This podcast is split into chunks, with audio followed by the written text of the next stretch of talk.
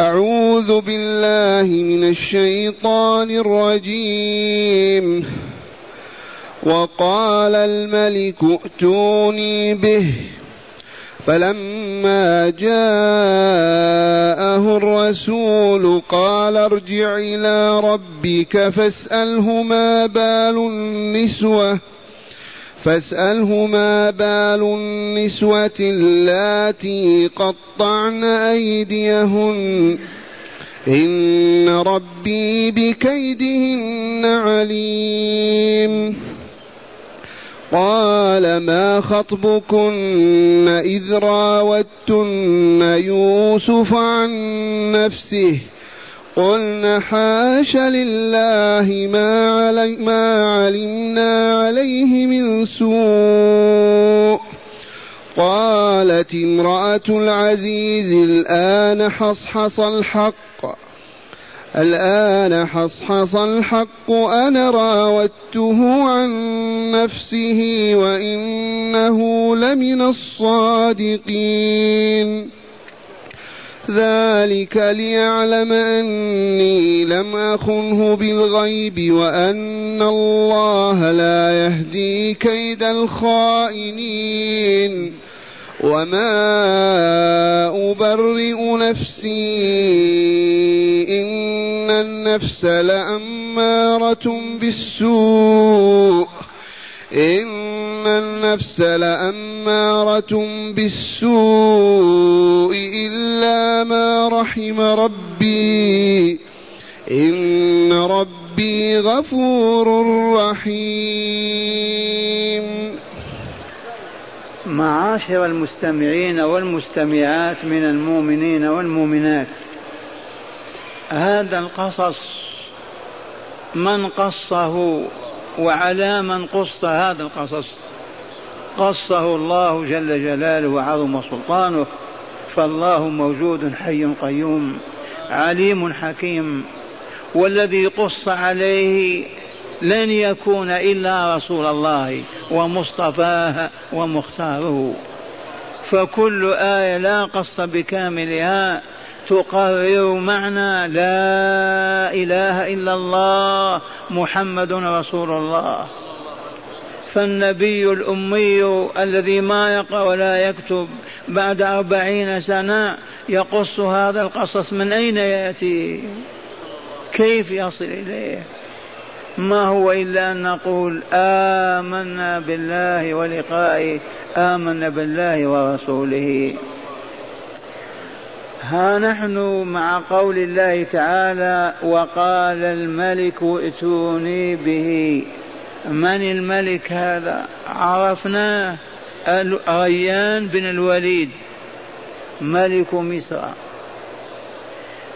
وقال الملك ائتوني به لما طالبهم بالإتيان بيوسف وهو في السجن لما قص عليه رؤياه وعبر تعبير العجب قال إذا أحضره عندي.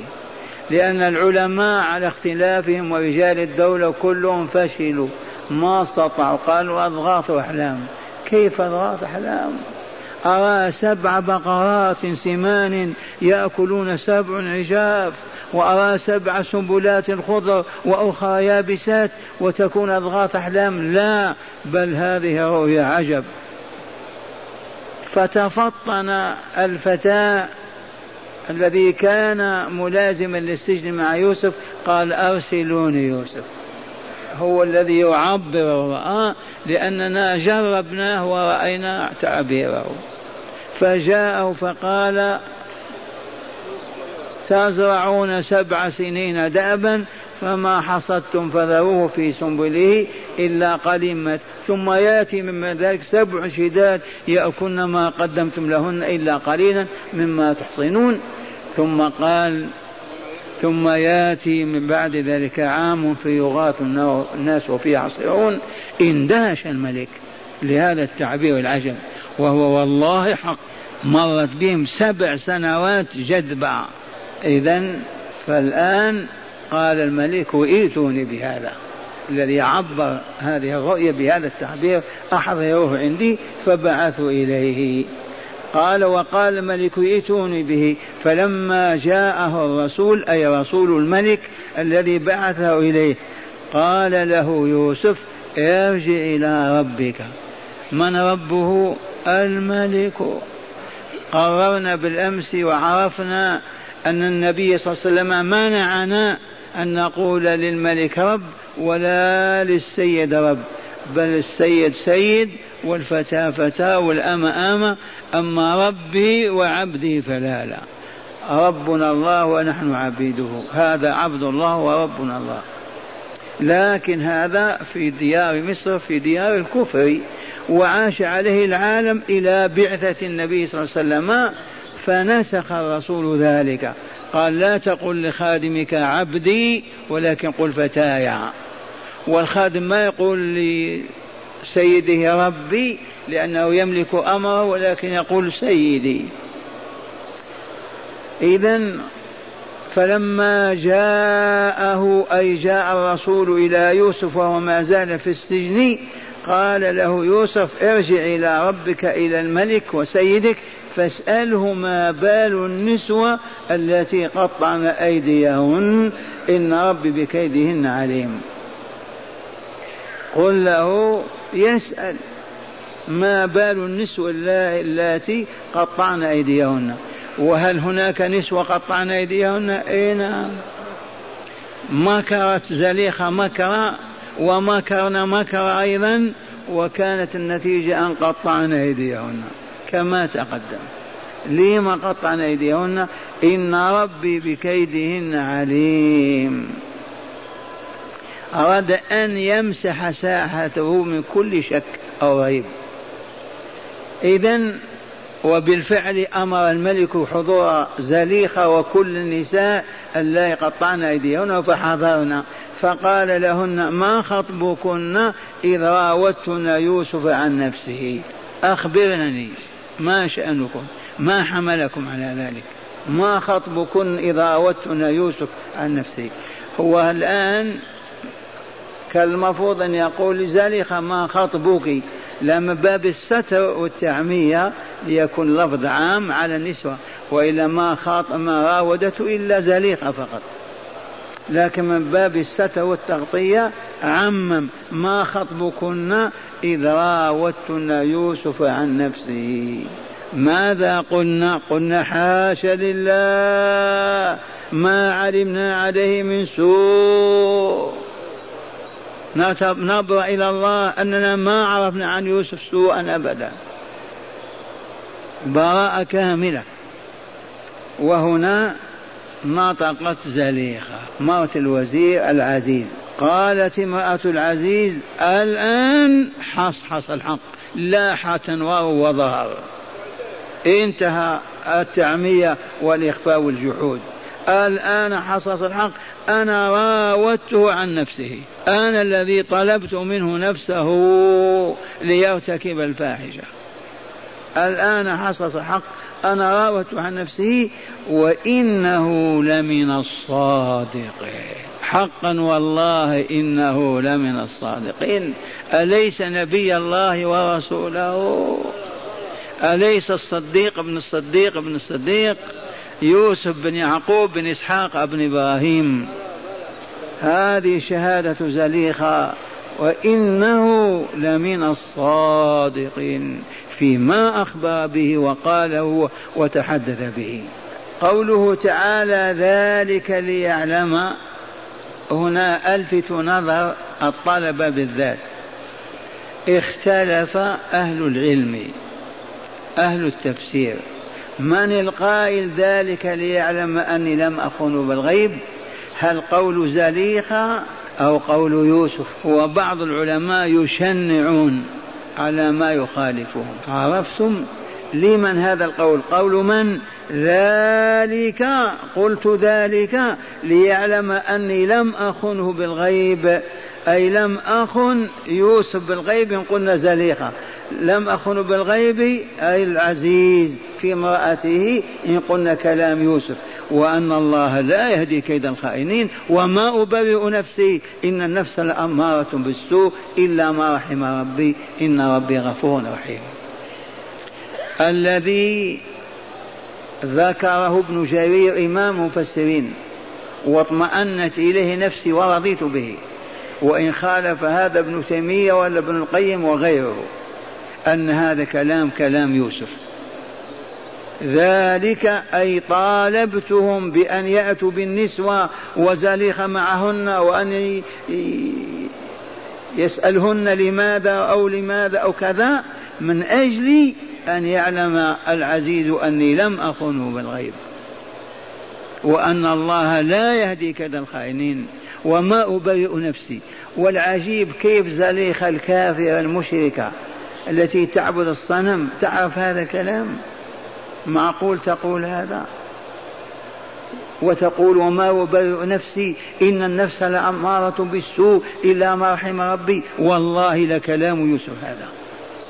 ما يجي كلمة فاجرة تأملوا. ذلك من القائل؟ إما أن نقول يوسف أو زليخة. زليخة قالت هذا حصلت الحق وأنا أردت كذا ليعلم زوجي أني ما خنته بالغيب. كذا ولا لا؟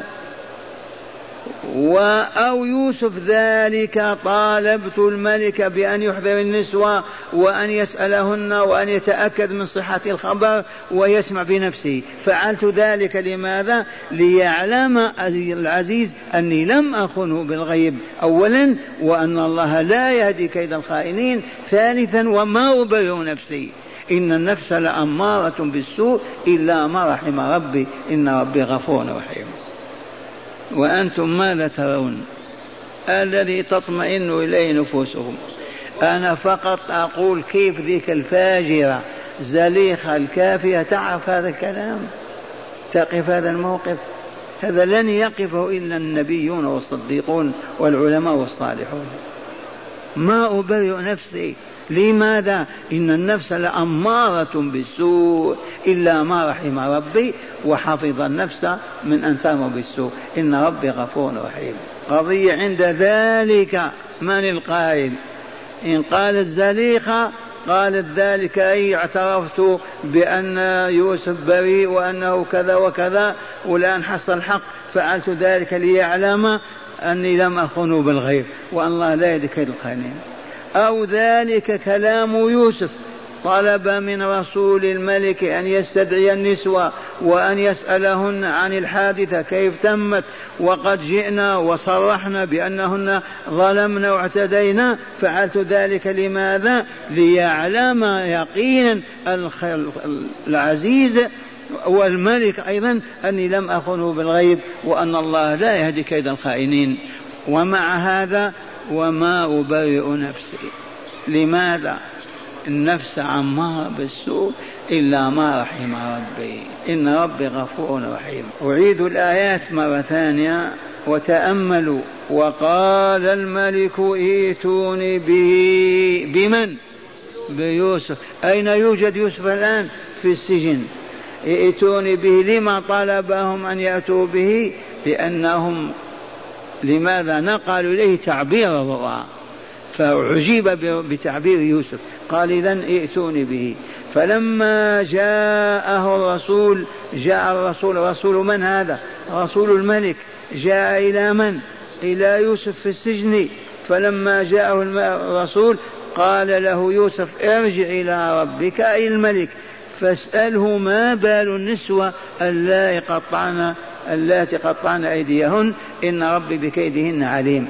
أراد ما يخرج حتى تبرأ ذمته وتنظف الساحة ولم يبقى أي شك معه. وهنا يقول الرسول لو كنت في مكان يوسف لخرجت لأجبت الداعية لو كنت في مكان يوسف لأجب سبع سنين ونبقى في السجن. ونقول ما نخرج حتى كذا. نخرج. لأجبت الداعي. إذا قال فاسأل ارجع إلى ربك فاسأله ما بال النسوة اللاتي قطعن أيديهن؟ إن ربي بكيدهن عليم. إذا واستجاب الملك وبعث للنسوة رجاله حرسه وأحضرنهن وحضرن بين يديه وسألهن قال ما خطبكن إذ راوتن يوسف عن نفسه ما شأنكن؟ قلنا حاشا لله ما علمنا علم وهو كذلك. إذا والتي كادت ماذا قالت؟ قالت امرأة العزيز الآن حصحص الحق. أنا راودت عن نفسه وإنه لمن الصادقين. والآن ذلك من القائل؟ الذي رجحه ابن سبيل إمام المفسرين هو يوسف. ذلك أي قلت ذلك أي بأن لم أخرج من السجن حتى يستدعى النسوة ويمتحن ويصرحن بما تم. أفعل ذلك ليعلم أني لم أخنه بالغيب وأن الله لا يدك الخائنين. ورجحت هذا الذي رجحه ابن جرير أنا لا قيمة لي في الترجيح.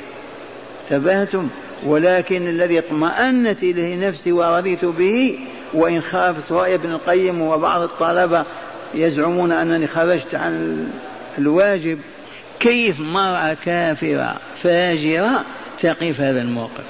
أسألكم بالله. ماذا قالت هي ذلك ليعلم أني لم أخنه بالغيب وأن الله لا يهدي كيد الخائنين. وما أبرئ نفسي إن النفس لأمارة بالسوء إلا ما رحم ربي إن ربي غفور رحيم. هذا لا يقول إلا مؤمن عالم بالله عارف به. ما يقول شخص عالي هذا الكلام؟ ورحم الله ابن جرير. لم يلتفت إلى أقوالهم. وجه واحد هو هذا كلام يوسف. ذلك ليعلم أني لم أخنه بالغيب. أي الزليخة آه، تقول هذا يوسف هو القائل وأن الله لا يهدي كيد الخائنين. وما أبرئ نفسي مع هذا ما أبرئ نفسي. لماذا؟ لأن النفس أمارة بالسوء لأنه هم أن يضربها هو أيضا. لاحظ هذا الموقف. قالوا ما أبرئ نفسي وهممت بأن أضربها كما همت أن تضربني. إن النفس لأمارة بالسوء. ما معنى أمارة بالسوء؟ أمارة كثيرة الأمر. الليل والنهار طول العام تأمرك بالسوء. والسوء كل ما يسيء إلى النفس البشرية فيجعلها خبيثة منتنة وذلك بارتكاب المنهيات وترك الواجبات. السوء كل ما يسوء إلى النفس. النفس كانت مشرقة كهذا النور. فإذا كذبت الكذب كانت ظلمة فإذا زنيت الزنية كانت ظلمة حتى يختم عليها والعياذ بالله وتصبح منتنة عافنة ما يرضاها الله ولا يقبلها. لا أقسم بيوم القيامة ولا أقسم بالنفس اللوامة والنفس كذلك لوامة ونفس مطمئنة. فلهذا الأنفس ثلاثة. أولا الأمارة بالسوء. فإن صاحبها تعلم وتبصر وفهم وأقبل على ربه يقل أمرها بالسوء. يقل. ولكن تنتقل إلى مرحلة مرحلة وهي اللوم. تحمل على فعل المعصية وبعد ذلك تلومه ويتألم لماذا كذبت؟ لماذا كذا؟ كذا. ثم إذا واصل تأديبها وتربيتها وتهذيبها تنتقل إلى الدرجة الثالثة هي النفس المطمئنة. تسعد وتطمئن عند ذكر الله عند فعل الخير. إذا عملت الصالحات تشعر بالسعادة الدائمة وتطمئن. فيوسف عليه السلام قال وما أبرئ نفسي لماذا؟ إن النفس لأمارة بالسوء إلا ما رحم ربي. فمن رحمه ووقاه المكروه وأبعده عن الذنب فذاك. والله غفور رحيم. أسمعكم الشرح من الكتاب. قال معنى الآيات. إن رؤيا الملك رؤيا الملك. ما اسم الملك هذا؟ الريان بن الوليد. إن رؤيا الملك كانت تدبيرا من الله تعالى والله العظيم. لماذا؟ لإخراج يوسف من السجن. لو ما رأى الملك الرؤيا وما قصها وما اختلف المعبرون فيها ما كان يبعث إليه ولا يأتون به. لكن تدبير الله عز وجل. إن رؤيا الملك كانت تدبيرا من الله تعالى لإخراج يوسف من السجن إنه بعد أن رأى الملك الرؤيا وعجز رجاله عن تعبيرها وتذكر أحد صاحبي السجن ما وصاه به يوسف.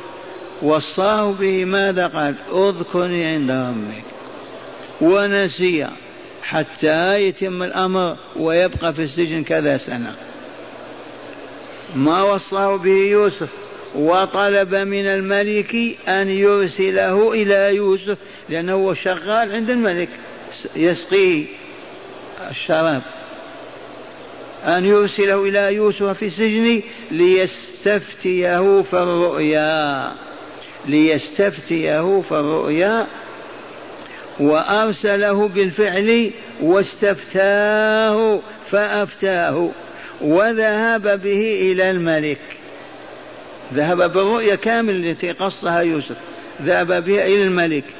فأعجبه التعبير وعرف مدلوله أمر وعرف مدلوله أمر بإحضار يوسف لإكرامه لما ظهر له من العلم والكمال وهو ما أخبر تعالى به في قوله وقال الملك ائتوني به أي بيوسف فلما جاءه الرسول أي جاء يوسف رسول الملك وهو صاحبه الذي كان معه في السجن ونجا من العقوبة وعاد إلى خدمة الملك فقال له إن الملك يدعوك. فقال له عد إليه ارجع إليه واسأله أولا ما بال النسوة اللاتي قطعن أيديهن؟ أي قل له يسأل عن حال النسوة اللاتي قطعن أيديهن.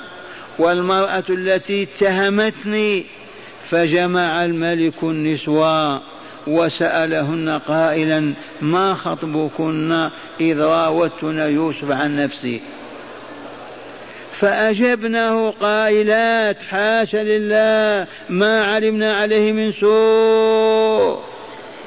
أي ننزه الله تعالى أن يعجز أن يخلق بشرا عفيفا مثل هذا هذا ما علمناه عليه ما علمنا عليه من سوء. ما علمنا عليه من سوء أي من يوسف. وهنا وهنا قالت امرأة العزيز زليخا كذا. زليخا ما أخبر تعالى به عنها. الآن حصحص الحق. أي وضح وبان وظهر. أنا راودته عن نفسه وليس هو الذي راودني وإنه لمن الصادقين. تعرفون عن زليخة سيموت زوجها ويتزوجها يوسف وتصبح زوجته في الدنيا والآخرة.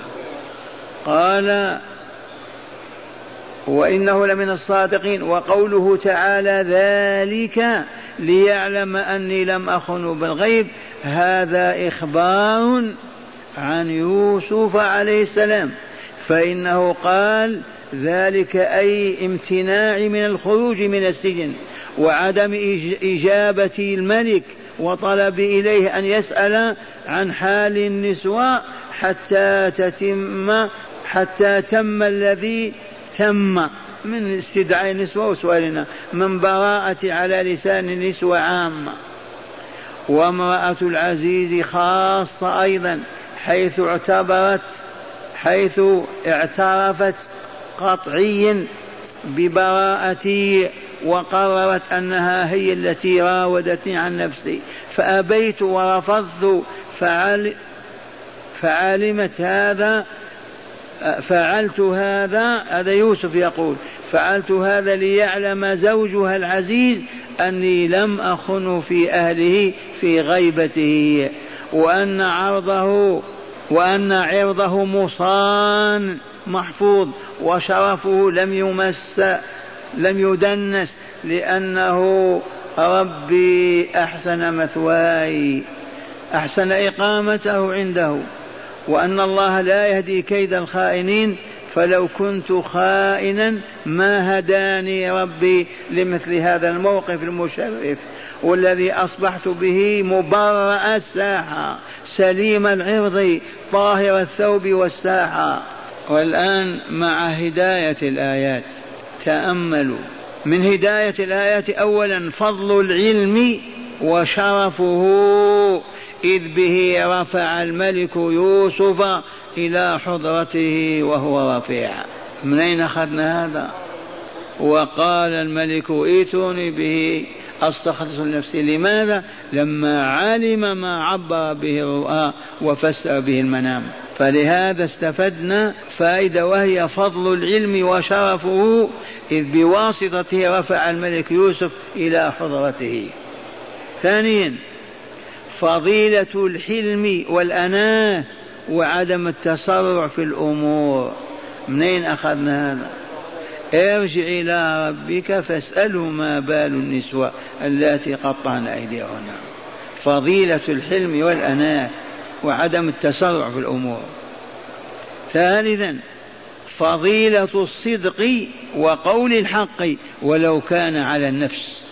من أين أخذنا هذه الهداية؟ إنه لمن الصادقين. شهادة زليخة إنه لمن الصادقين. رابعا شرف زليخة شرف زليخة بإقرارها بذنبها. رفعها هذا الشرف مقاما ساميا وأنزلها درجة عالية. فقد تصبح بعد قليل زوج لصفي الله يوسف الصديق ابن الصديق. زوج له في الدنيا وزوج له في الآخرة. وهذا فضل الله يؤتيه من يشاء والله ذو الفضل العظيم.